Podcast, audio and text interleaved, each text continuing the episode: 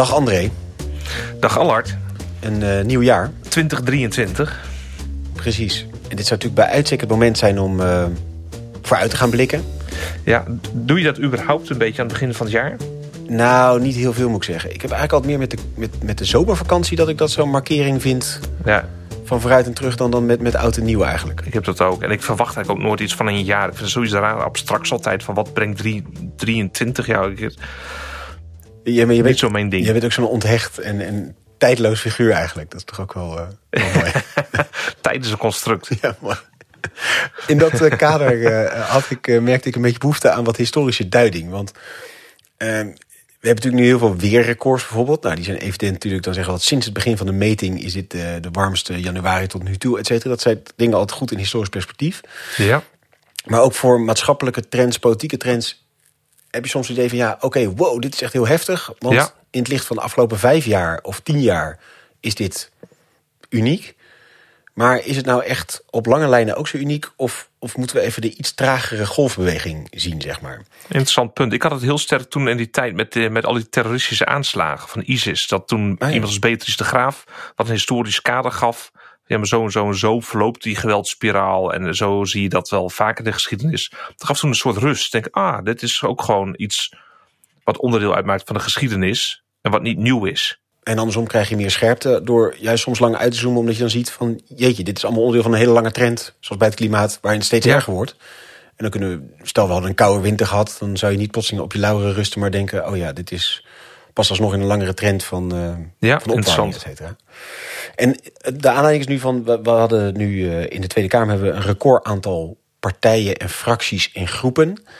Ja. En ehm, ik denk dat er nou, bij ons onder andere wat ontevredenheid leeft over hoe besluitvormingskrachtig eh, de Nederlandse eh, politiek momenteel is.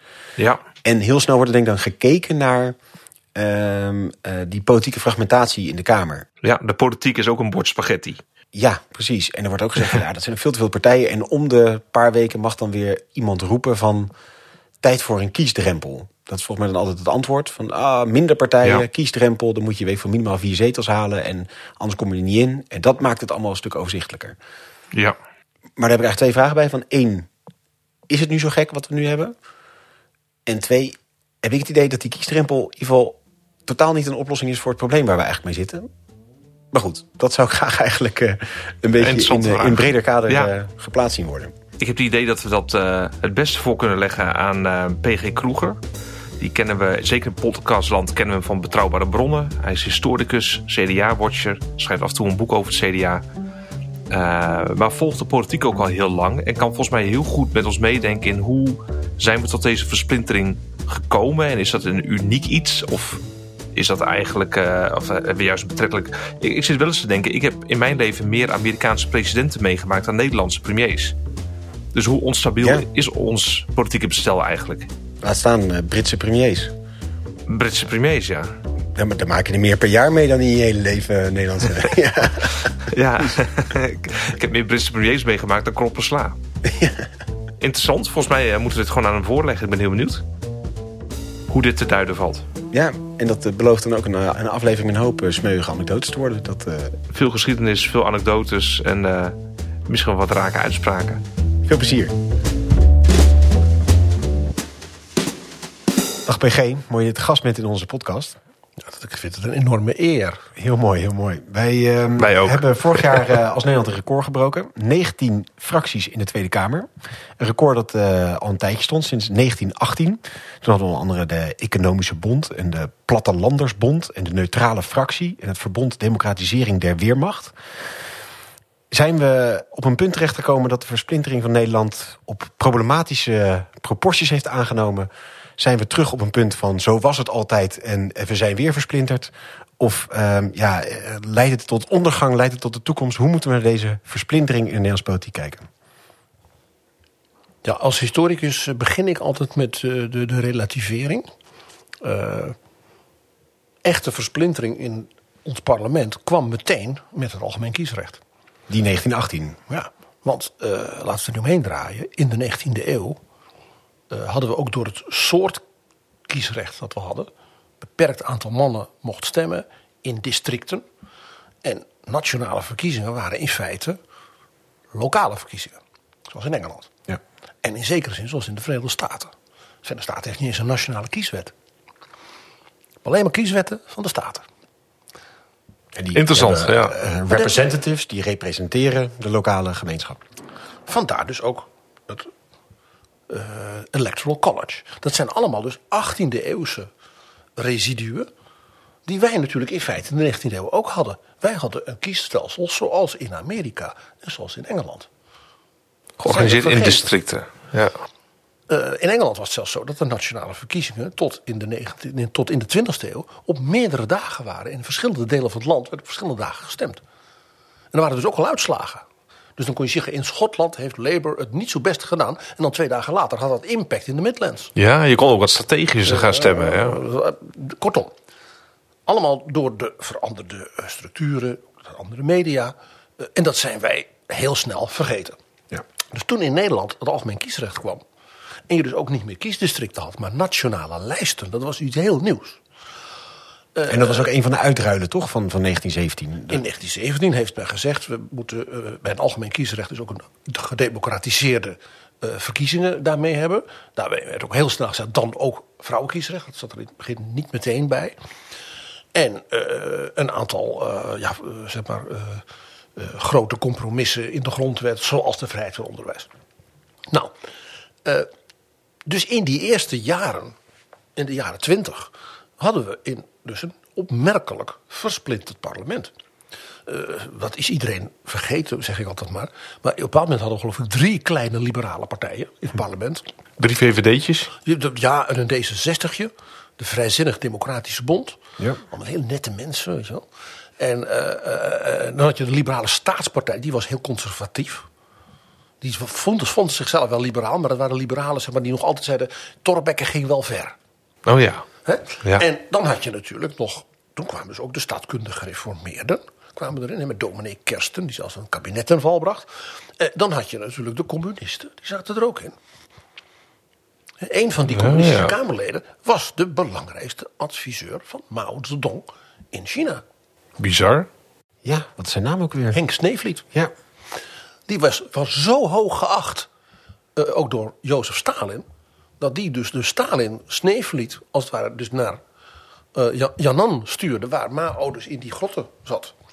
En tegen zowel Chiang Kai-shek als de Japanners vocht. Meer tegen Chiang Kai-shek dan tegen de Japanners natuurlijk. En Sneevliet kon dus Chinees, omdat hij de communistische partij in Indonesië had opgericht. Een van de meest bijzondere mensen in de Nederlandse politieke geschiedenis is deze communist. Hij komt ook voor in de revolutie van eh, David van Rijbroek inderdaad. Daar heb ik zijn En terecht. Ja, precies. En terecht. En heeft een metro eh, in Amsterdam, geloof ik, die naar hem heet. Dat Kijk, is toch iets. Ja, precies. Maar is hij positief bijzonder of, of, of eh, heeft hij negatieve sporen nagelaten? Ik denk dat men in China daar laat ik zeggen, ge- gemiddeld eh, plus en min over denkt. Oh ja. Zal ik maar zeggen. Maar het is niet hetzelfde zoals je nu eh, Russische beïnvloeding, zoals een Russische beïnvloeding menen waar te nemen, zeg maar. Oh, dus het is het wel. Dat was de- dat Stalin niveau. zette hem bij die man Ja, precies. als, Ja. ook als eh, ideologisch bewaker. Ja, Want what's Sta- new? What's new? Ja, en Stalin heeft natuurlijk Mao en de Chinese communisten nooit een seconde vertrouwd. Want hij zei, die zijn geen echte communisten. Dat zijn agrarische revolutionairen. Dat is iets anders. Ja, precies. Stalin haatte boeren, hè? onthoud dat. Maar laten we teruggaan naar het van die, van die boeren in- van, van Stalin naar de plattelandbonders, eh, de plattelandersbond, eh, et cetera. Jij ziet een hele clubs, Ja. ik zie een. Middenstandspartijen. Ja. allemaal. Nou, Maar allemaal fracties. En, en toch is het beeld, denk ik, wat wij sterk hebben. eh, eh, en hè, dat die versnippering nu, dat noemen we historisch, is dus ook nou groter dan ooit. Dat dan wel weer. Ehm, omdat we toch een beetje gewend zijn. Ja, je hebt het CDA met 40 plus zetels. Je hebt de Partij van de Arbeid met heel veel zetels. Nou, vandaag dag de VVD groot. Dus Ja. een paar van die grote stromingen, die maken het met elkaar uit. Inderdaad, We zijn natuurlijk jongens van 87. Precies, wij, Ja. zijn, wij geloven in die grote partijen, ja, Ja. 88. Maar is, is dat dan, eh, hoe, hoe zijn we van die versplintering in 18 tot die grote bewegingen gekomen, die wel die massa's wisten te bereiken? Nou, dat is vooral geweest, toch, meen ik, in de naoorlogse jaren. eh, waarbij ook onder de indruk van de oorlog en, de- en de opkomst van de Koude Oorlog. En ja, daar een enorme economische ja, wat zeggen, structuurveranderingen. eh, eh, men behoefte had aan langdurige, stabiele verhoudingen. Dat was het. Wat ook een interessant ding is natuurlijk. eh, dat anders dan het beeld in de geschiedschrijving, de verhalen van de mensen. die regeringen van de jaren 20 en 30 ook helemaal niet zo stabiel waren. Het feit dat we vijf kabinetten Colijn hadden. eh, dat is dus nog eentje meer dan Jan-Peter Balkenende. Ja. En die zaten geen vier jaar, zeg maar, die Nee. kabinet. Nee. Dat was niet vier keer vijf. Het vijfde kabinet Colijn heeft geloof ik twee dagen gezeten. Bizar, ja. Nou, en, en, maar er zijn, we hebben dus ook heel veel, veel kabinetten in die tijd gehad. Dus die stabiliteit waar Nederland zo beroemd om is, en ook met de polder en zo, dat is dus een hele specifieke fase in onze politieke geschiedenis. Eigenlijk dus met de wederopbouw. Ja. En het ontstaan van dat, dat Nederland ook niet meer neutraal was. Ook dat is een heel belangrijk punt. Wij denken dat dat dat dat normaal is. Het feit dat Nederland lid werd van de West-Europese Unie in 48, in 49 van de NATO en, is, en, en de EGKS in 52 en de 57 de Europese gemeenschap, dat zijn gigantische zeg maar, strategieveranderingen geweest van Nederland als natie. We waren altijd neutraal. Ja. Wij zaten tussen het Atlantische en het continentale in. Luister vooral ook de aflevering met Jay Segers hier over hoe die ja, tweeledigheid in de positie ten opzichte van Europa tot op de dag van vandaag terug te zien En is. e- Ja. effecten daarvan. Ja. eh, die- natuurlijk, natuurlijk. En ook het, eh, laat ik zeggen, de, hè, wat ik in Betrouwbare Bronnen met Jaap Jansen tij- in onze jubileumeditie 300 noemde het ethisch imperialisme van Nederland. Wij weten het ook altijd beter Ja, ja, ja. dan andere landen. Wij gaan die bruine mensen vertellen hoe ze democratie moeten invoeren. En ze moeten eigenlijk heel dankbaar zijn voor alle beschaving die we hebben gebracht in Indië. Hè? Ja. Hoe diep dat in de Nederlanders nog zit, dat is verbazingwekkend. Dat is echt Ja. wat ik dus noem ethisch imperialisme. Ja. En dat had dus ook te maken met die neutraliteit. Hier moest het Vredespaleis komen. ja. Wij, Wij hebben het uitgevonden. wij hebben het uitgevonden. Ja. De mensenrechten, dat is iets heel erg Nederlands. Tot je een toeslag krijgt. Ja. Ja, ja. precies. En totdat er het... eh, AZC wordt geopend, dan, eh, dan, dan, zie je blijft wat, dan wat complexer te liggen. dan blijkt ja. je hoe, hoe, hoe ongelooflijk Ja. de Nederlanders met mensenrechten meeleven. en dan blijkt toch de One Love band, band wat te knellen om je bovenarm, zeg maar. Bijvoorbeeld. Bijvoorbeeld. Nee, dan heb je een speldje, Ja. maar dan doe je wel een sjaal. Een sjaaltje minister. over het Ja, met. Nevermind op de sjaal. Ja. Ja. Ik, Maar- ik moest heel even denken aan die jas van Melania Trump. Ja. I don't Ja. care. Precies. Doe je. Ja. Volgens mij stond Ja, dat- zoiets, ja, ja. Dit- Maar dit even terzijde, dat is niet, niet aardig. Die mevrouw doet er vast haar best. nee, even terug naar de, je de zegt die- stabiliteit die- die van de jaren stabiliteit, 50. Was dat een, een bewuste keuze Ja. om die grotere partijen neer te zetten? Of zit daar ook een eh, technologische kant aan? Van dus na het meer bereik met massamedia... die ook makkelijker dus mensen bij elkaar brengt. Nee, wat eh, vooral speelde was dat de verzuiling zoals die in de jaren twintig begon. eh, als het ware na de oorlog, als het ware vanwege de behoefte aan herkenning en stabiliteit, veel sterker was. De beeldvorming van dat Nederland zo'n enorm verzuild land is, eh, dat is een projectie van de verzuiling zelf. De jaren twintig was die verzuiling nog helemaal niet zo. Maar dat algemeen kiesrecht en bevorderde dat. En toen kwam zoiets als de radio. Dus toen werd er het compromis bedacht dat elke stroming zijn eigen radiostation kreeg. Gebaseerd op de politieke stromingen. Ja, en maatschappelijke en religieuze Ja. stromingen. En hè, dus de vrijzinnig protestantse radioomroep kwam er ook. Want ja, de Nederlands Christelijke Radiovereniging die was toch wat zwaarder op de hand. Ja. Ja, over dat soort dingen, dan heb je het al. Ja. Hè, en de liberalen wilden helemaal geen radioomroep. Dus dan werd het maar de algemene. Ja, nee, die wilden een BBC-model. Ah, ja. Dus dat is, ze hebben echt geprobeerd. En ook ge- geprobeerd politiek erdoor te krijgen. Door, eh, maar dat is dus niet gelukt. Even heel kort, wat is het BBC-model? Eh, Een nationale omroep die dus het nationale verhaal doet en zogenaamd boven de partij staat. Beetje openbaar Precies. onderwijs, eh, pluriform inclusief. Inclusief pluriform, zo'n soort gedachte. Ja, en dan ze mochten dan aan het eind van de dag, de ene dag mochten een gereformeerde dominee een gebed uitspreken. En dan een katholieke dominee. En dan, ja, dat, dat is een beetje dat idee. Ja. Helder. En eh, nou ja, dat hebben dus de, de, de, met name de socialisten en de confessionelen, dus katholiek, protestant en de VARA, hebben dat ook in gezamenlijke eendracht, zoals zo vaak op dit soort terreinen, verhinderd. Ja. Dat bond hen in dat ze dat allemaal niet wilden. Ja. Absoluut. Nou, na de oorlog is dat dus vanwege die behoefte aan stabiliteit en ook de enorme, dus, wat ik, ik bewijs dat op de jaren 50 gigantisch dynamisch waren en helemaal niet saai. Integendeel. Geen spruitjeslucht. Nee, nee, echt. Eh, bijvoorbeeld Greet Hofmans was toch geen spruitje? Nee, Dat is ook jaren 50, hè? zo zou je niet kunnen hoeven zeggen, nee. Nee, dus over dynamiek gesproken. Ja. En hè, de koningin geloofde in ufo's. Dus, eh, nou. De tijd ver vooruit eigenlijk. Zo, is heel veel. Ja, wat een paradijsvogel. Ja, nou, dus die enorme dynamiek en onzekerheden, ook door de Koude Oorlog, eh, eh, eh, hè, als de bom valt, eh, die maakte dus die behoefte aan stabiliteit sterk. Die zuilen waren dus veel sterker nu, ook in hun organisatie en in hun machtsdrift, om geen ander woord te gebruiken. Eh, ze bouwden daarbij een soort BBC-model, maar dan niet in de media, maar in de economie. Want wat is de SER anders dan een soort BBC voor de economie? Een nationaal iets wat, waar iedereen het samen doet. Een sociaal-economische raad. Dus die is toen ook ontstaan. Met dat hele ding eromheen van het Centraal Planbureau. Dat was ook allemaal uit een New Deal. Dat was onder invloed van de Verenigde Staten. Ja. Nooit meer crisis en nooit meer oorlog. Hè. Geïmporteerd bij het Marshallplan of is dat te makkelijk gezegd? de, de, de, de- het Marshallplan heeft een enorme boost gegeven door heel veel jonge Amerikaanse academici die dus in Nederland en Europa de economie kwamen hervormen. En die hebben dus gewoon allemaal New Deal dingen doorgevoerd. Ja, precies. Nou, dat heeft dus in feite geduurd tot nou, 1965. Zo'n 20 jaar wederopbouw. Toen was natuurlijk mede dankzij de EU en de eh, economische structuurveranderingen.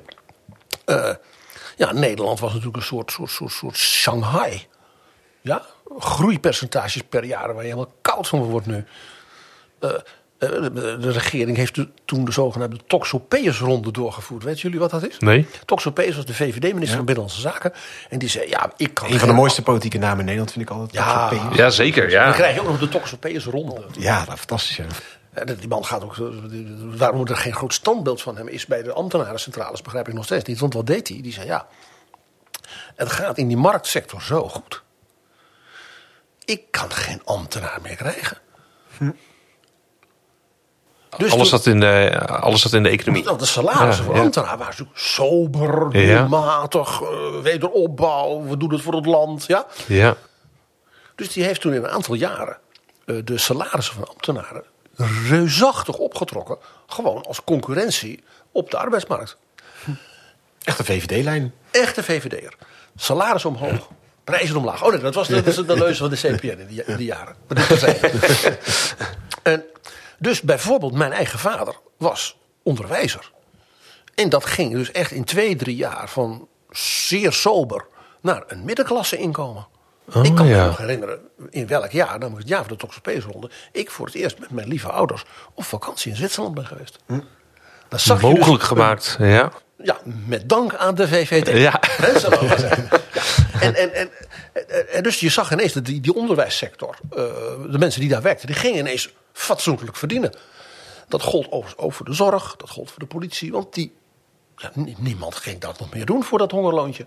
Dat was in, zeg maar, dus eerste helft jaren zestig ineens een heel nieuw Ja. beeld. Dat dat natuurlijk samengaat met dingen als Provo, D66, de grotere openheid, de seksuele revolutie en heel belangrijk, heel belangrijk, de enorme doorbraken in de kerken. Dat wordt altijd vergeten. Maar zonder paus Johannes de 23e en zijn aggiornamento ja. en het Vaticaans concilie, Het tweede Vaticaans concilie. juist, was dit dus goed. allemaal zo niet gebeurd. Want door dat opengooien, hè, aggiornamento, de, de, de luiken open betekent dat, eh, werd dus ook die katholieke zuil geopend. Ja. Ja. En kreeg je dus dat de jongeren onder de katholieken, de Ruud Lubbers types, hè, dat die zeiden van ja, we moeten ook met andere. En daar is natuurlijk het CDA uit ontstaan.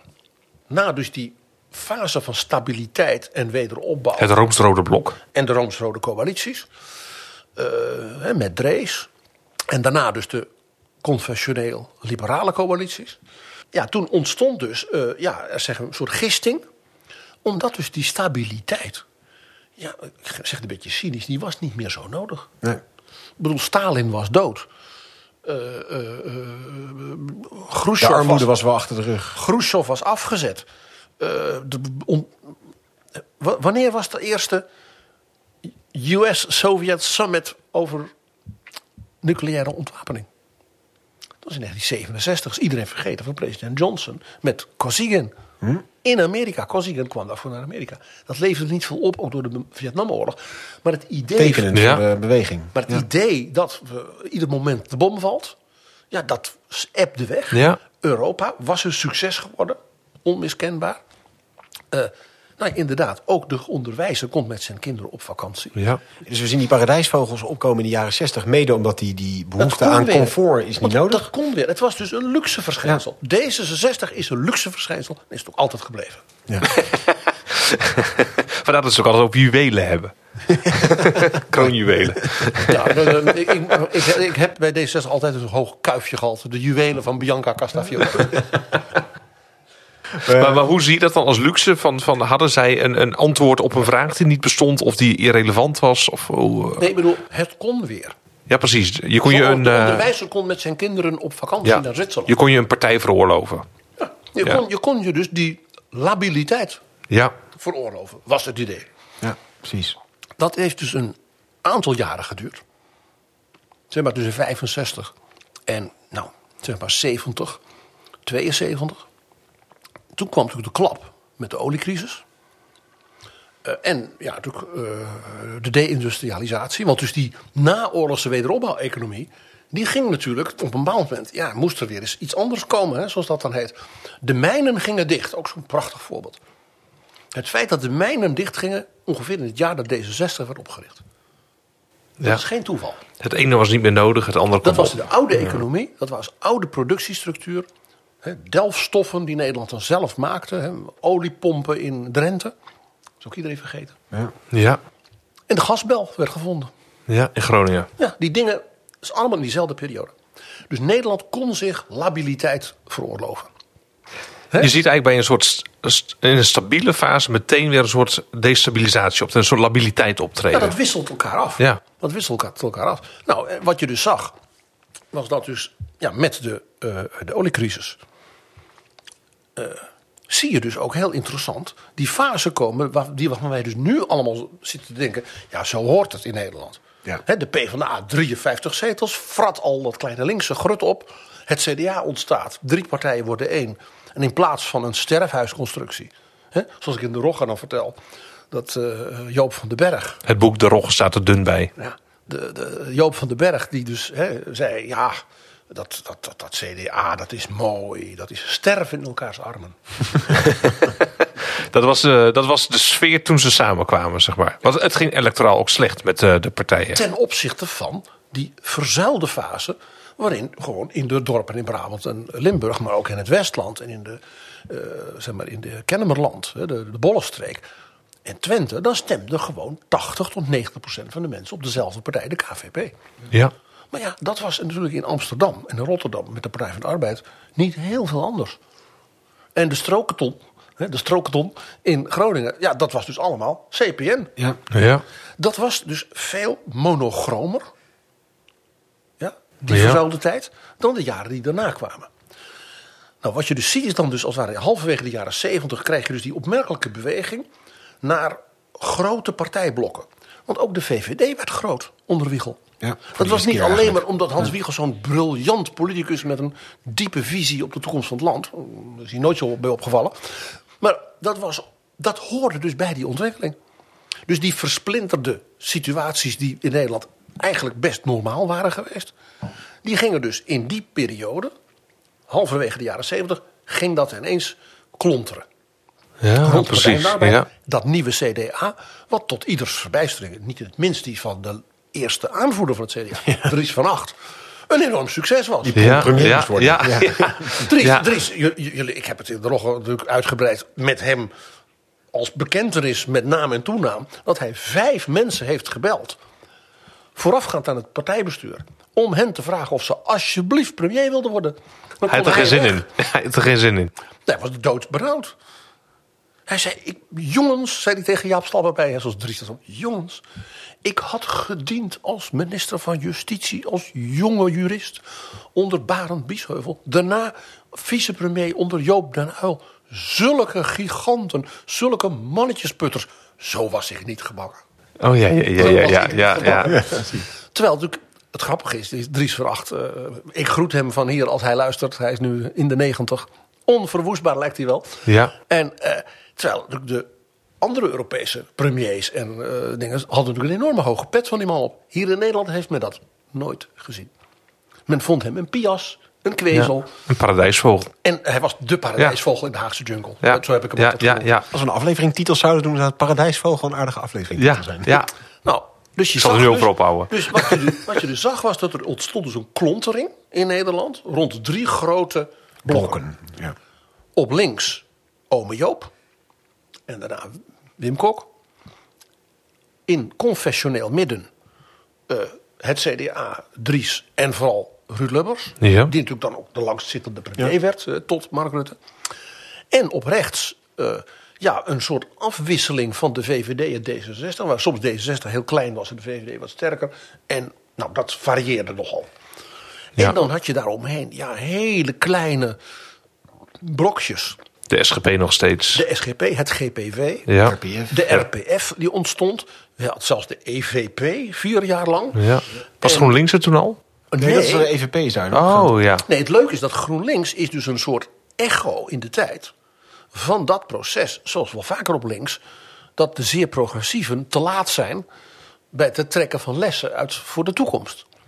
GroenLinks was weer de laatste die dus dat klonteringsproces in. Dus de, Met CPN en PPR en EVP. PSP, eh, ja, oh, de PSP tragiek van het, ja. van, de, van het progressieve zou je, van het progressieve denken zou je leggen. pro- Te weinig van de geschiedenis leren. De tragiek van de progressieve denken is dat ze vaak erg langzaam zijn. Ja. Met vernieuwing. Ja. Zoals het ook helemaal niet zo raar is, zeg ik altijd, dat grote eerste vrouwelijke leiders bijna altijd van behoudende partijen zijn. Ja, klopt. Oh. Thatcher, Merkel. Ja. Ja. Maar ook Klompé in Nederland bij de KVP. De Albright. enige vrouw lid van het Europees Parlement toen het startte was Marga Klompé van de KVP. Kijk, Ja. Niet, een, pionier zou andere, je. Ja, ja, ja. niet een van de linkse Duitse eh, verzetsheldin of iets dergelijks. Of een Franse Suze diva. Groenewegen was dan wel... eh, Ja, maar dat is de Tweede Kamer. Ik heb het ja, niet- nou goed, is toch wel zo waar. Daar hebben ze dan een eerste vrouw, de SDAP. Ja. Ja, dat, ja. ik ben Staat altijd heel genoteerd. gul. Ik ben heel Ja, gul ja. Sociaaldemocraten. Maar we Ja. zien dan dus echt dat grote stromenland. En dat houdt eigenlijk ook nog met de neergang van het CDA in de jaren 90 ook nog aan. Want dan heb je echt zo VVD, PvdA als grote blokken. Ja, wat je, Tot wat- 2002 zou je kunnen Ja, zeggen? je, wat je ziet is dus dat die grote blokken, dat is eigenlijk ja, 1975, 2000. Dus dat is een fase van 25 jaar. Ja. ja. Dus het beeld van dat Nederland per definitie zo'n stabiel land is, met die polder en die grote partijen die elkaar dan af en toe eens afwisselen, dat is een fictie. Dat is iets wat we ook graag onszelf vertellen en ook vooral de rest van de wereld. Ja. Hè? Ja, Holland, en- stabiliteit, Stabiel, ja. Polder Nation, The Third Way. Wim Kok werd een halve heilige. Want Met Nederland, Blair en Nederland Clinton. is zo. Ja. Ja. ja. En, en Schreuder. Nou heb je natuurlijk ook van, als je even naar, naar jou, naar Allard en mijn geschiedenis kijkt. We hebben natuurlijk maar heel relatief weinig premiers meegemaakt. Lubbers, Kok. Ja, Olivers, ja. Ja, Jan Lubbers Peter. net. Jan Peter en En Rutte. Rutte. Ja. Dus in die zin, we hebben wekt meer Amerikaanse presidenten meegemaakt. ja. Ondanks alle eh, twee termijnen die ze dienden. eh, op eh, Bush en Trump na. Om maar niet te beginnen over Britse premiers. Precies. Ja, dan moet je om de week... eh, Ja. Een krop Ik durf- sla Ik kopen. durf nu niet te zeggen. Deze aflevering verschijnt over een paar weken. Ik durf niet te zeggen wie het nu is. Nee.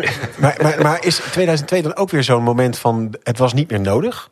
Die, die, die, die consensus en grote partijen? Of, of was dat eh, een andere aanleiding om toen richting meer paradijsvogels weer te gaan? Volgens Fortuyn was het wel nodig. Ja. Eh, was het te instabiel. Was het misschien. crisis? Ja, crisis. Ja. Fortuyn heeft alles beweerd.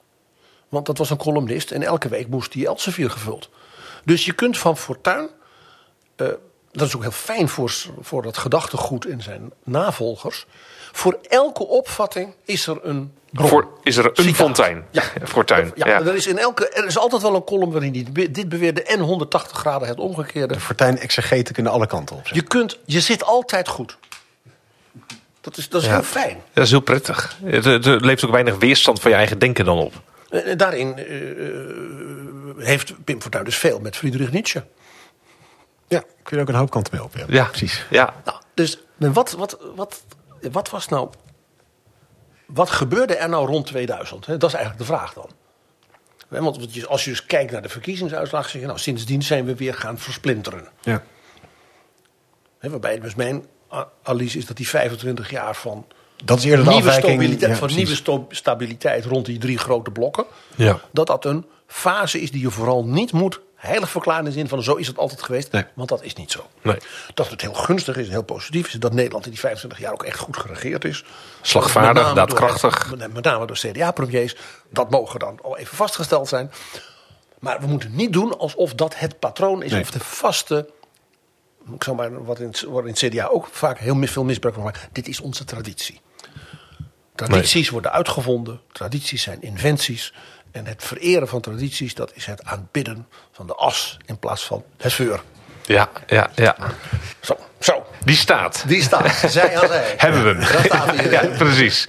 Ja, zeker. En, en, en- en er wordt altijd beweerd dat hij van Gustav Mahler is, maar dat is niet zo. Ook nog. Oké, van wie is die? Dat, dat weet niemand. Oh, eh, interessant. Wat, eh wat een wel uitspraak van leuk van. misschien wel. Ja, wel van Fortuyn, ja. Nee, dat denk ik niet. Nee. Fortuyn was niet van de klassieke muziek.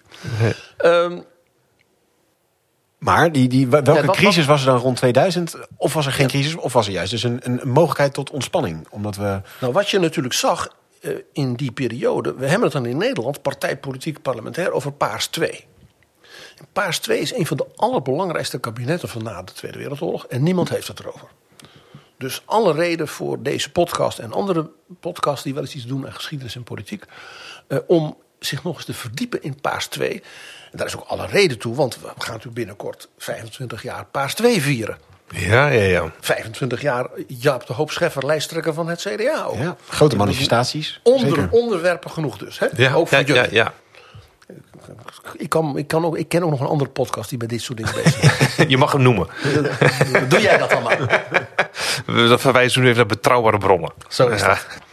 Ook hier weer is er natuurlijk heel veel legendevorming en mythologie. Paars 2 was natuurlijk gewoon een waardeloos kabinet. Saai.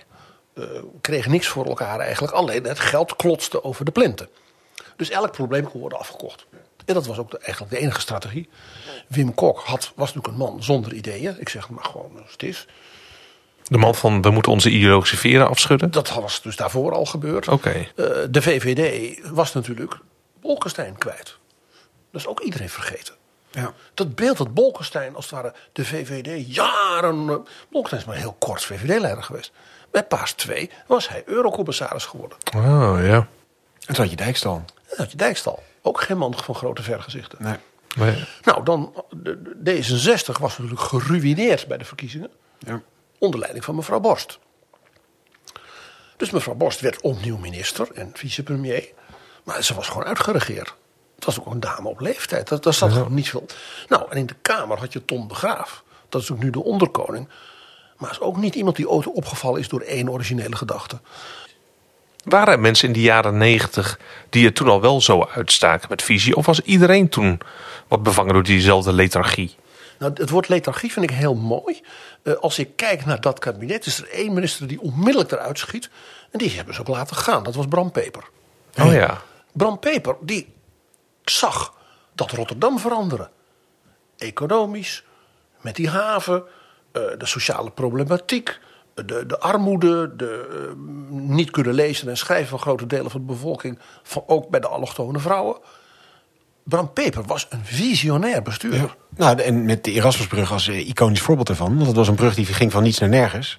En vervolgens Oh, ja. is er enorme stukken Van niets naar iets. Maar hele mensen zeiden toen waarom zou je die brug aanleggen? Ja. Wie wilde nou van Noord naar Zuid? Ja. En dus hij heeft het, eh, Dat toen daar zich hard voor gemaakt. vanity project van Ja. de burgemeester. Hij wou zijn eigen eh, het, eh, piramide van het Louvre. Ja. Maar dan in, op, op zijn Rotterdam. Precies. ja. Dat Vernoemd naar Erasmus. Ja. het dan Mitterrand is of, Ja. of Bram Peper. Maar net als Mitterrand was Bram Peper dus een visionair... die ook nog dingen voor elkaar kreeg. Dus ik, ik groet hier op zijn wolk eh, Bram Peper. Eh, de reden waarom hij ook natuurlijk ten val kwam... bleek achteraf flauwekul. Ja, precies. Partij van de Arbeid, ook de premier, heeft hem natuurlijk niet verdedigd.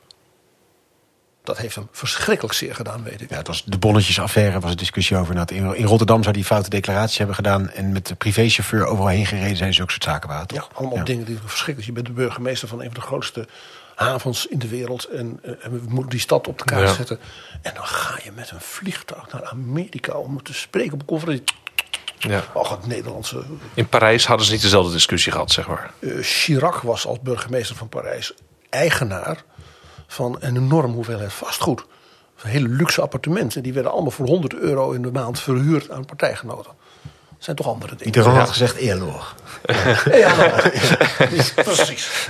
Ja, eh, eh, Bram Peper zou in een ander land dan Nederland een van de grote staatsmannen zijn geworden. Ja, ja, ja. Maar dat geeft dus aan het feit dat ik zeg, die man Ja. springt eruit, dat zegt genoeg. Ja, er was iemand die uitsprong. Te midden van een, van een lethargische massa. Ja. Dus, en paars 2 was dus, ja, ja, dat dus alle problemen werden door er geld tegenaan te zetten. eh, want dat was toch een over. Hè? Ja. eh, eh, werden ze aangepakt. En dat was dus heel duidelijk. Ze werden dus niet aangepakt.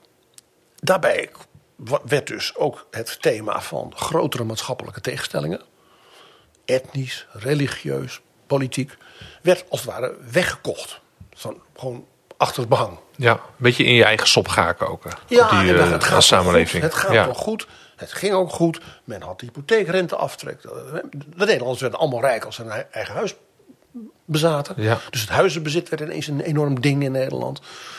Eh, nou, nog een ander punt, dat moet je het zeker zeggen. Sommige mensen in, in dit land nu niet zeggen. Maar een andere reden van die enorme opgang van de economie... eh, was natuurlijk ook door de technologisering en de komst van de euro. Ja. De euro als munt kwam dan pas in 2002. Maar als valuta van de economie veel eerder. Ja. En dat, heeft natuurlijk, dat gaf natuurlijk een enorme extra stabilisering aan de Nederlandse economie. Met name ook aan de Nederlandse economie. Het is geen land in Europa, behalve dat ik zeggen, de Balten die er later bij komen, dat zo ongelooflijk geprofiteerd heeft van de interne markt en de komst van de euro als de Nederlandse economie. Dus Nexit is niet te vragen. Eh, Nexit, wie dat bepleit, bepleit suïcide. Als land. Ja. En ook je, je medeburgers. Ja. Dan zeg je, laat ze lekker maar allemaal arm worden. Ja. Kijk naar Engeland nu. Ja. En iedereen kon dit weten. Bij de Britten. Iedereen kon dit weten. Maar dan terug naar die vraag, want je zegt inderdaad... enerzijds stabiliteit en anderzijds werd alles afgekocht. En in die cocktail eh, krijgen we die veelkleurigheid weer. Die, die, die verschillende In die krachten die loskomen. ontstond de behoefte aan eh, eh, ook een stukje escapisme. Van ach, de politiek doet er niet meer zo toe. Mhm. Want dat kreeg je dus ook. Het gaat goed met de economie, we zijn allemaal rijk. We, Ja. hè? Dus ach, die politiek. ja. Dus wilde men meer entertainment. Jomanda. escapisme. Ja. Hè, zoals jij, jij weet, in de tand des tijds heb ik gezegd... het verschijnsel LPF, het verschijnsel Fortuin... was een fusie van Jomanda en Silvio Berlusconi. Dus Jomanda een soort gebedsgenezeres, een soort Greet Hofmans... Ja. hè, die dus miraculeus dingen ging veranderen alleen doordat ze er was. Ja. Het was natuurlijk een geweldig soort geseculariseerd medievisme. Ja. Dus ook middeleeuwse eh, wonderdokter eh, eh, dingen. de heiligen die verschijnen en dan... Ja, dat krijg je natuurlijk met secularisatie. Hè? Als mensen niets meer geloven, geloven ze alles. Chesterton. En de andere kant was ja, de vermarkting van het publieke leven. Wat natuurlijk door Paars Ja. voortdurend werd gedaan met dat afkopen van die problemen. Ja. En ja, de belichaming daarvan was natuurlijk Silvio Ja. de topondernemer die gewoon zijn bedrijven omzet lokaal in een partij. Hè, dus de managers van Mediaset en die dingen, die werden dus de, de plaatselijke voorzitter van de nieuwe partij Forza Italia. En waarom heet Forza Italia zo? Hup Italië. Hup Italië. Hup, Holland Hup betekent het. Dat gaf dus aan, dus ook daar dat escapisme en entertainment. Ja. En dan had hij ook nog AC Milan in handen. En gecombineerd met dus eh, de, zeg maar, de privatisering van het publiek domein. Ja. En dus ook van de politiek. Zet nou eens een ondernemer in zo'n kabinet, dan wordt het tenminste geregeerd. Nou, Ja. Daadkracht. zakenman. Ja. Herman Heinsbroek Herman, juist. Herman Heinsbroek was Donald Trump. van Davilex, toch? Had hij, eh, Geen idee. Volgens mij had hij dat, ja. Bekend van de Ook geen idee. Oké. Ja. Pim Fortuyn vereerde Silvio Berlusconi. Had een huis in Italië. Heeft ook geprobeerd bij hem op bezoek te gaan. Maar ja, wat, je, je denkt, Berlusconi denkt, wat moet ik met zo'n rare Nederlandse professor? Ja. Die bovendien zijn leerstoel kwijt is, omdat hij niet, geen performance levert aan de universiteit. Nou, Fortuyn was natuurlijk, ja, de, ja, die heeft als die twee elementen dus in zich verenigd. Hè, Fortuyn was een echte Berlusconi-man. Fortuyn. De verhaal ook dat hij zo sociaal was en voor de gewone man opkwam. Flauwekul. Hij wou mensen die ongeneeslijk ziek waren uit de WHO in de bijstand. Want dat hadden ze toch niet meer nodig. Zo kon je besparen op de WHO.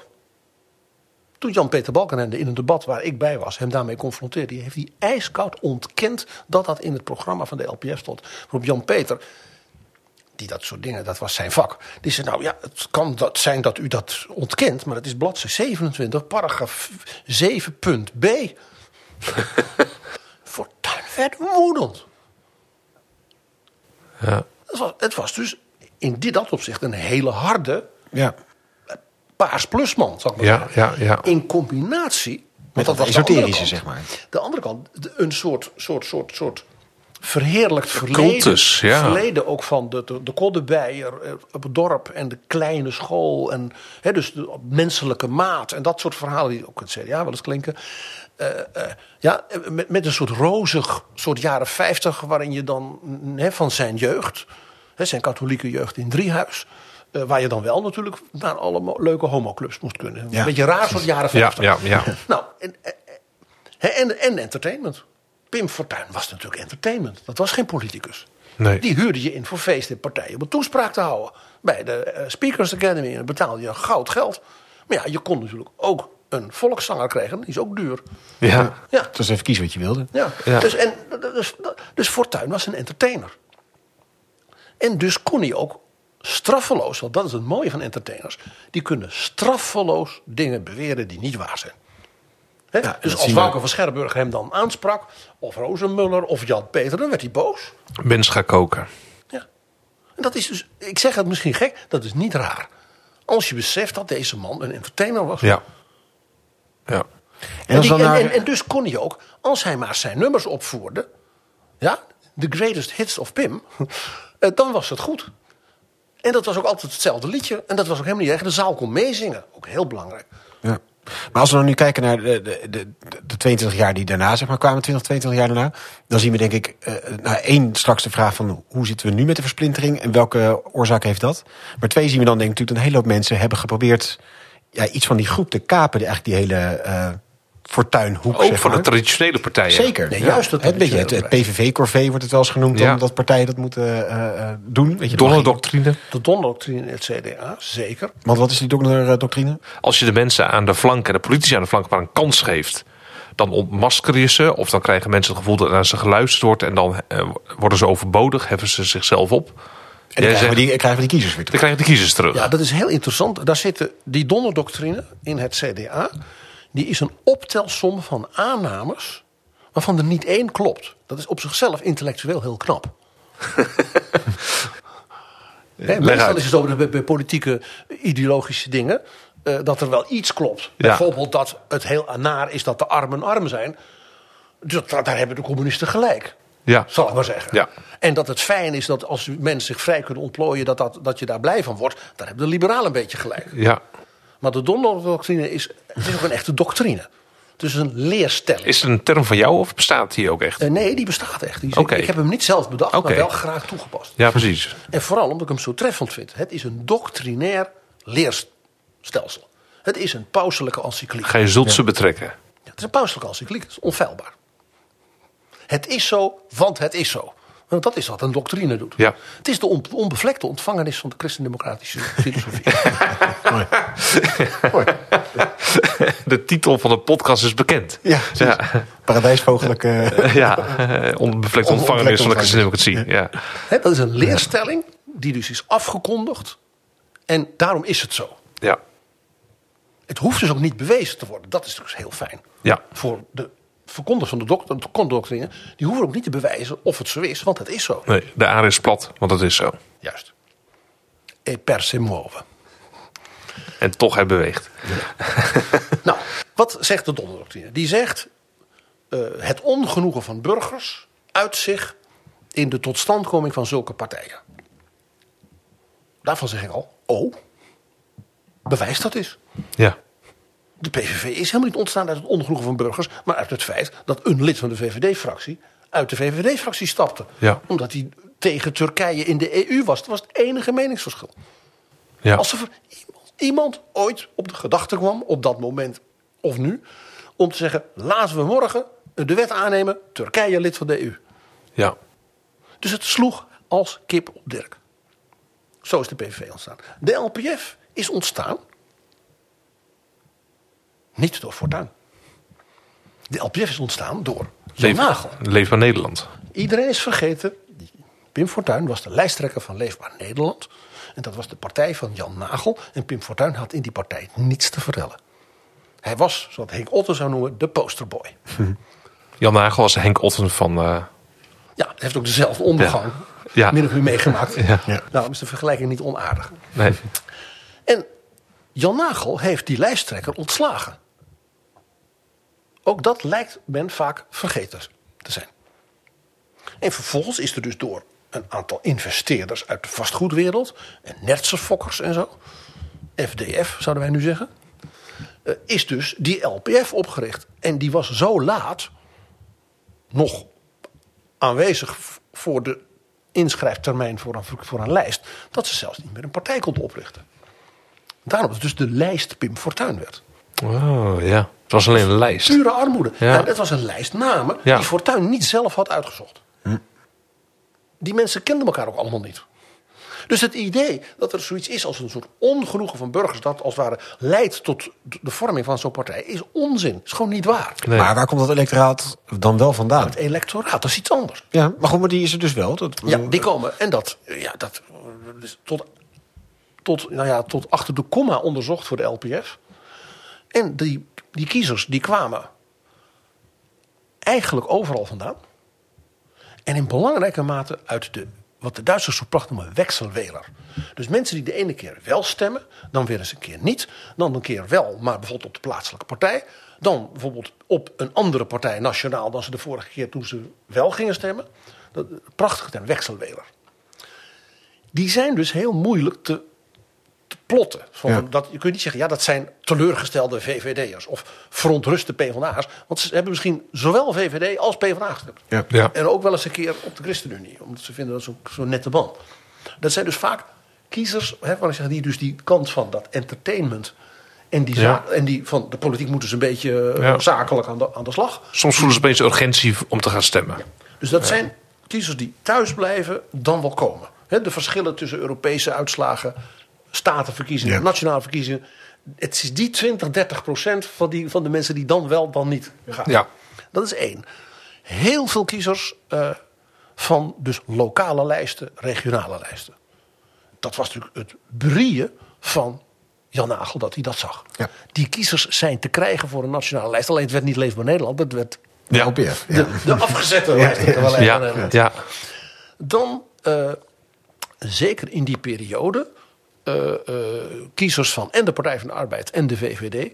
die dus met het vertrek van Kok en daarvoor Bolkestein... zoiets hadden van, ja, Melk het en Dijks, dan wordt hem niet. ja... En je hoort mij al zeggen, er is één stroming waar de LPF geen kiezers van won. Dat was de christendemocratie. Dus alleen al om die reden...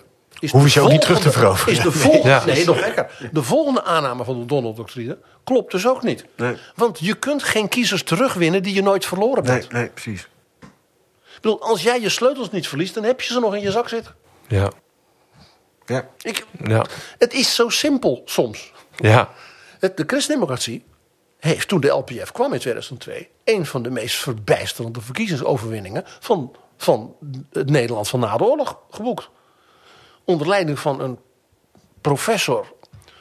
eh, ja, eh, die eh, onderdirecteur was geweest van het wetenschappelijk bureau... van het Ja. CDA, en, hè, waar, wij nu hier zitten. We zitten daar op te nemen. Ja. Ja, en, eh, en hij was woordvoerder financiën van de CDA-fractie. Dus Beetje de soort de, de anti-Berlusconi, zeg maar. de totale anti-Berlusconi. Had ook beter haar. Eh, een- ik geloof ook een wat, wat, wat stabieler eh, relaties Ja. in de privésfeer. Ehm, Geen voetbalclub. geen voetbalclub. Eh, ik denk wel dat ze alle twee van musicals hielden. Dat vind ik wel een beetje minpuntje. Oh ja. En van auto's. En van snel. Zo Twee- zie twee je maar. Ja. minpunten, ja. Ja. Zo zie je maar. Ja. Goed. eh, dus het CDA won anderhalf miljoen stemmen. Terwijl alle anderen dus stemmen verloren. Richting onder andere ook het CDA natuurlijk. Ja. Ja. En die LPF. Ja. De verkiezingen erop donderden de LPF in elkaar. Mede natuurlijk doordat Pim Fortuyn vlak voor die verkiezing van 2002 was vermoord. Dat is natuurlijk afschuwelijk. Afschuwelijk. Dat we dat even noteren. Als Ja. Daar waar ik soms wel eens wat ondeugende formuleringen over zijn.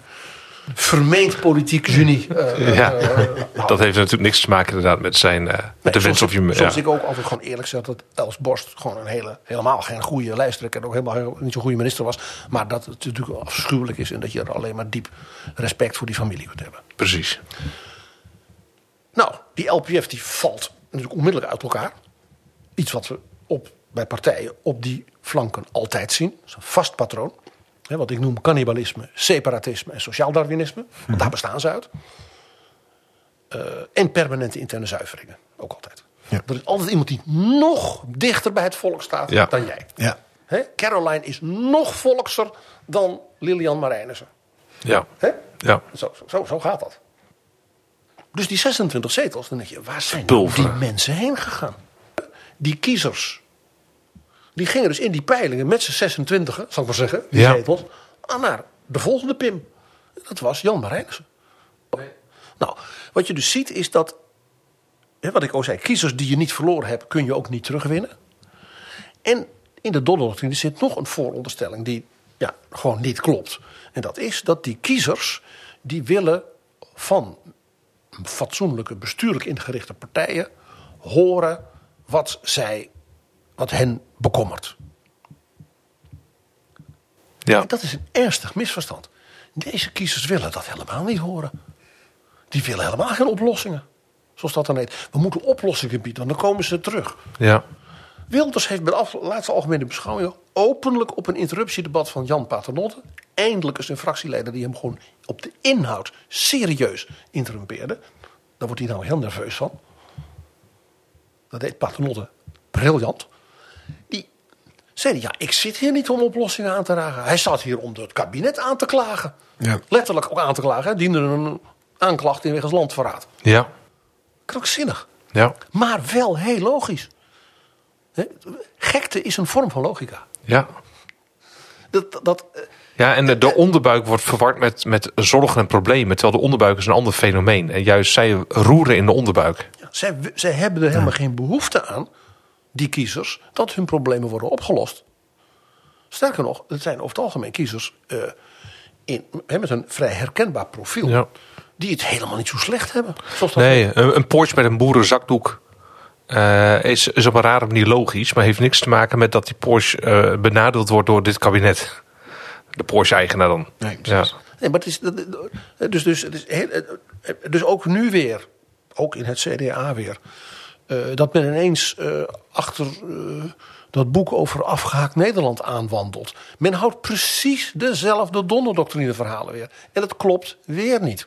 Je noemde net terecht, hè, we hebben dat Roomse rode blok gehad, we hebben Lubbers gehad. eh, daadkrachtige fases in het Nederlandse eh, eh, politieke bestel. Nu zitten we wel wat in die versplintering. De kabinetsformaties worden lastiger. Van wat, wat is nou een weg voor ons nu? eh, Wat, die labiliteit kunnen we ons nu even niet veroorloven. Er zijn te grote crisis, klimaat, eh, geo, eh, geografisch. Ja, maar dan moet je die crisis wel afroepen. Het is toch verbijsterend. Dat de minister-president van Nederland de enige in Europa is. die niet zendtijd heeft gevraagd. om te zeggen: mensen, het is oorlog. Oekraïne zijn wij. Ja. Zelensky is de commissaris des konings in Kiev. Ja. Macron heeft dat gedaan. Eh, De Croo heeft gewoon gezegd: we gaan misschien wel vijf tot tien jaar hele zware winters krijgen. Dat was misschien een hyperbool. We hopen dat het een hyperbool Ja. was. Maar het is wel Leiderschap. dapper. Ja. Ja. Nou, Scholz heeft zelfs twee toespraken gehouden. Een Zeitenwende en nog een. Verder, ja, het is geen man blijkbaar die... Van de grootste woorden. Nee, Ja. en van, van de grootste daden misschien ook niet. Maar het is opmerkelijk. Ja. Draghi heeft de Italianen echt in het geweten gepraat. Bij zijn vertrek. Die Ja. toespraak was wauw, zoals hij dat kan. Het is heel opmerkelijk. Het CDA heeft als vicepremier de minister van Buitenlandse Zaken. Ik had op het partijcongres van het CDA verwacht dat hij zei: Dames en heren, ik spreek hier natuurlijk als uw voorman, zoals, Lubber, zoals Rutte dat dan noemt. Maar ik spreek hier allereerst als de minister van Buitenlandse Zaken van ons vaderland. En die had spijkerhard moeten uithalen. Zeggen: Wij moeten beseffen in wat voor tijd wij leven. Ik heb het niet gehoord. Dus jij zegt het begint Want die labiliteit kan ons niet lang veroorzaken. Het begint met een duidelijke erkenning van die crisis. En de mensen de waarheid vertellen. Ik ben erg van politici die tegen burgers gewoon zeggen: mag ik u even als volwassene aanspreken? Ja, Precies. Dit is misschien niet zo leuk, maar ik ga het toch zeggen. ja. Ja. en als u eh, geen zin heeft en u wilt meer entertainment, andere kanaal. Ja. ja. De Mask Singer, nu op RTL 4. ja. Hier krijgt een Ja. serieus. Ja. Jij schijnt, schijnt dat raar te kijken. Ik, heb, ik heb het nog Nee, geen zin. Oh, Oké, oké, oké, dat is goed. Dat is goed. Nee, en na mijn toespraak van een half uur, dat doen we in Nederland ook niet, hè, eh, komt eh, eh, de herhaling van de eerste van de vier avonden van de Ring van Wagner van Audi. Fijne avond geweest. We beginnen met Primeboat. Ja, nee, je begrijpt- je begrijpt wat ik Ja. spottend wat zeg. Serieus nemen. Ja. Maar dat is één, dat is een soort intrinsieke lijn. Is er ook iets wat jij eigenlijk zegt, misschien een andere, is dat iets, iets eh, technisch wat je moet ingrijpen? Nou ja, je hebt de kiesdrempel, wordt wel eens genoemd bijvoorbeeld. eh, eh, eh, we hebben een kiesdrempel in Nederland van 0,6 procent. 0,7 procent. Dat is Oh, een ja. kiesdrempel. Goed om dat eens eh, naar voren te halen, want dat weten veel mensen niet, denk ik. Nee, als je niet dat haalt, dan heb je geen zetel. En zijn dus die stemmen verloren, zoals dat zo mooi Ja. Bij de, alle verkiezingen voor de Tweede Kamer zijn er een heleboel lijsten die niet aan die 0,6% komen. Ja. Die zijn dus verloren. Die tellen dus niet mee bij de verdeling van de zetels. Nee. Dus het aanpassen van de kiesdrempel is een artificieel instrument. En de vraag is of je dat. Ja, de, de belangrijkste vraag is: waarom zou je het doen? De, de idee is dan volgens mij minder partijen, eh, grotere blokken, makkelijker te vormen coalities. En dan zeg ik: kijk nou eens naar de zwaarste kiesdrempel die we in Nederland hebben. Het Leeftijd? Europees Parlement. Oh, De verkiezing met het Europees Parlement heeft Nederland, wat is dat? 27, 28 zetels. Dat is een hele hoge kiesdrempel. ja. Zitten er vanuit Nederland twee partijen in het Europees Parlement? Het antwoord is nee. Nee. ChristenUnie, SGP, 50PLUS, CDA, PVV, FVD, enzovoort, enzovoort. Ja. Een heleboel partijen, allemaal met één of twee zeteltjes. Ja. En dan, eh, die, die, die PVV'er die loopt dan over naar Forum. En daar ook daar. En je ziet die andere FVD'er die loopt dan over naar Ja 21. Dus die zitten nu ook in het Europees Parlement. Ja. Dus diezelfde processen van versplintering, van eh, eh, vlucht op de flanken en chaos daar, Ja. zie je daar ook. Maar in kleinere aantallen. Maar ik bedoel, dat, ja, zetels. ja, binnen maar, zetels. Maar het Ja. verschijnsel van versplintering is daar net zo sterk, Ja. in zekere Ja. zin, als in de Tweede Kamer. ja. Nou, dus ik zie een heel heldere oplossing. Voor mensen die zeggen: ik wil die kiesdrempel wat hoger. En ik wil eigenlijk meer serieuze politiek. En dat is dat je de Tweede Kamer kleiner maakt. Kleiner. Ja, want als je hem groter maakt, van, dan hebben we nog meer mensen die dicht bij het volk zitten. Dan ga je de versplintering verhogen. Want dan wordt de kiesdrempel wordt 0,2 procent. Dan haal Ja. ik het zelfs. ja. De gedachte zeg. En wat, wat, wat zie jij gebeuren op het moment dat je de Kamer verkleint? Nou, dan heb je 100 kamerzetels. Ja. Zoals we dat hadden tot 1956. Ja. Dat betekent dus dat die Kamerleden dan heel veel werk moeten doen. Ja. Met z'n honderden. Dat betekent dus dat je, dan ben ik dus voor jettengelden on steroids. Heel veel geld naar die ondersteuning. Natuurlijk, ga eens naar de Senaat in Amerika. Ik heb het geluk gehad ooit een keer uitgebreid op bezoek te geweest, geweest te zijn bij de chef van de commissie onderwijs van de Senaat. Elke senator, dat zijn er ook honderd in Amerika, elke staat twee. Dus die heeft een enorm bureau voor de zorgen van zijn constituents. Dat hebben ze in het huis ook allemaal. Ja. Heeft dus een staf dedicated to die, tot, tot zijn onderwerpen. En de dingen waar hij een beetje zijn specialisme in heeft. En dingen die voor zijn staat van belang zijn. Ja. ja. Dus ik ben voor een kleiner parlement. Met hoogwaardige Met zeer ondersteuning. hoogwaardige ondersteuning. Dat het eer is dat je daar als het ware een aantal jaren eh, werkt. En dat er ook een aantal mensen zijn die zeggen: Ik doe dit gewoon 40 jaar. ja. Ze zullen het weten ook. Ik, heb, ik ben het wandelend geheugen van de gezondheidszorg in Nederland. Ja. Zulke mensen zijn goud waard. Ja. En kunnen ons denk ik ook, en dat is misschien denk ik een prachtige eh, constatering van dit alles, ons behoeden voor die fouten die eerder gemaakt zijn.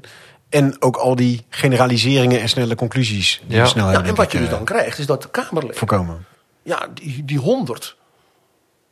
Ja, als de kiezer dan zegt, ja, maar ik wil toch echt geen Kamer zonder Dion Graus. Nou, dan krijg je Dion Graus één van die 100. Denk je nou echt dat er iemand is van het niveau waar wij het over hebben, dat die, die vrijwillig wil werken voor Dion Graus? Het antwoord is nee. Nee, ik zeg het gewoon keihard. Niet aardig van me. Maar dat is wel een sanering van je democratie. Want Ja. als je nou zegt, ik wil die versplintering tegengaan... dan moet je de consequenties van die versplintering dus laten zien. Ja. Ja, ja, wat kost het ons? Ja. Ja. En dat kun je beter met een kleiner parlement doen. Dat dus zeg maar, intrinsiek hoogwaardig wordt, wordt gemaakt. Ja. Als partijen, serieuze partijen, zo'n gedachte zouden willen dragen. Dat de Partij van de Arbeid, GroenLinks, het CDA, D66, de VVD. Nog, nog, nog- zijn er nog meer serieuze partijen? De ChristenUnie. Ja? Als die allemaal gaan zeggen: wij zetten alleen maar absolute topmensen op de boven, bovenste lijsten. Die je ook echt in de Kamer wilt zonder dat ze En die dus ook dan, eh, zodra ze gekozen zijn, een staf ja, van uitstekende jonge mensen en experts en dit om zich heen verzamelen en daar ook goed voor worden betaald. Dat rare idee in Nederland.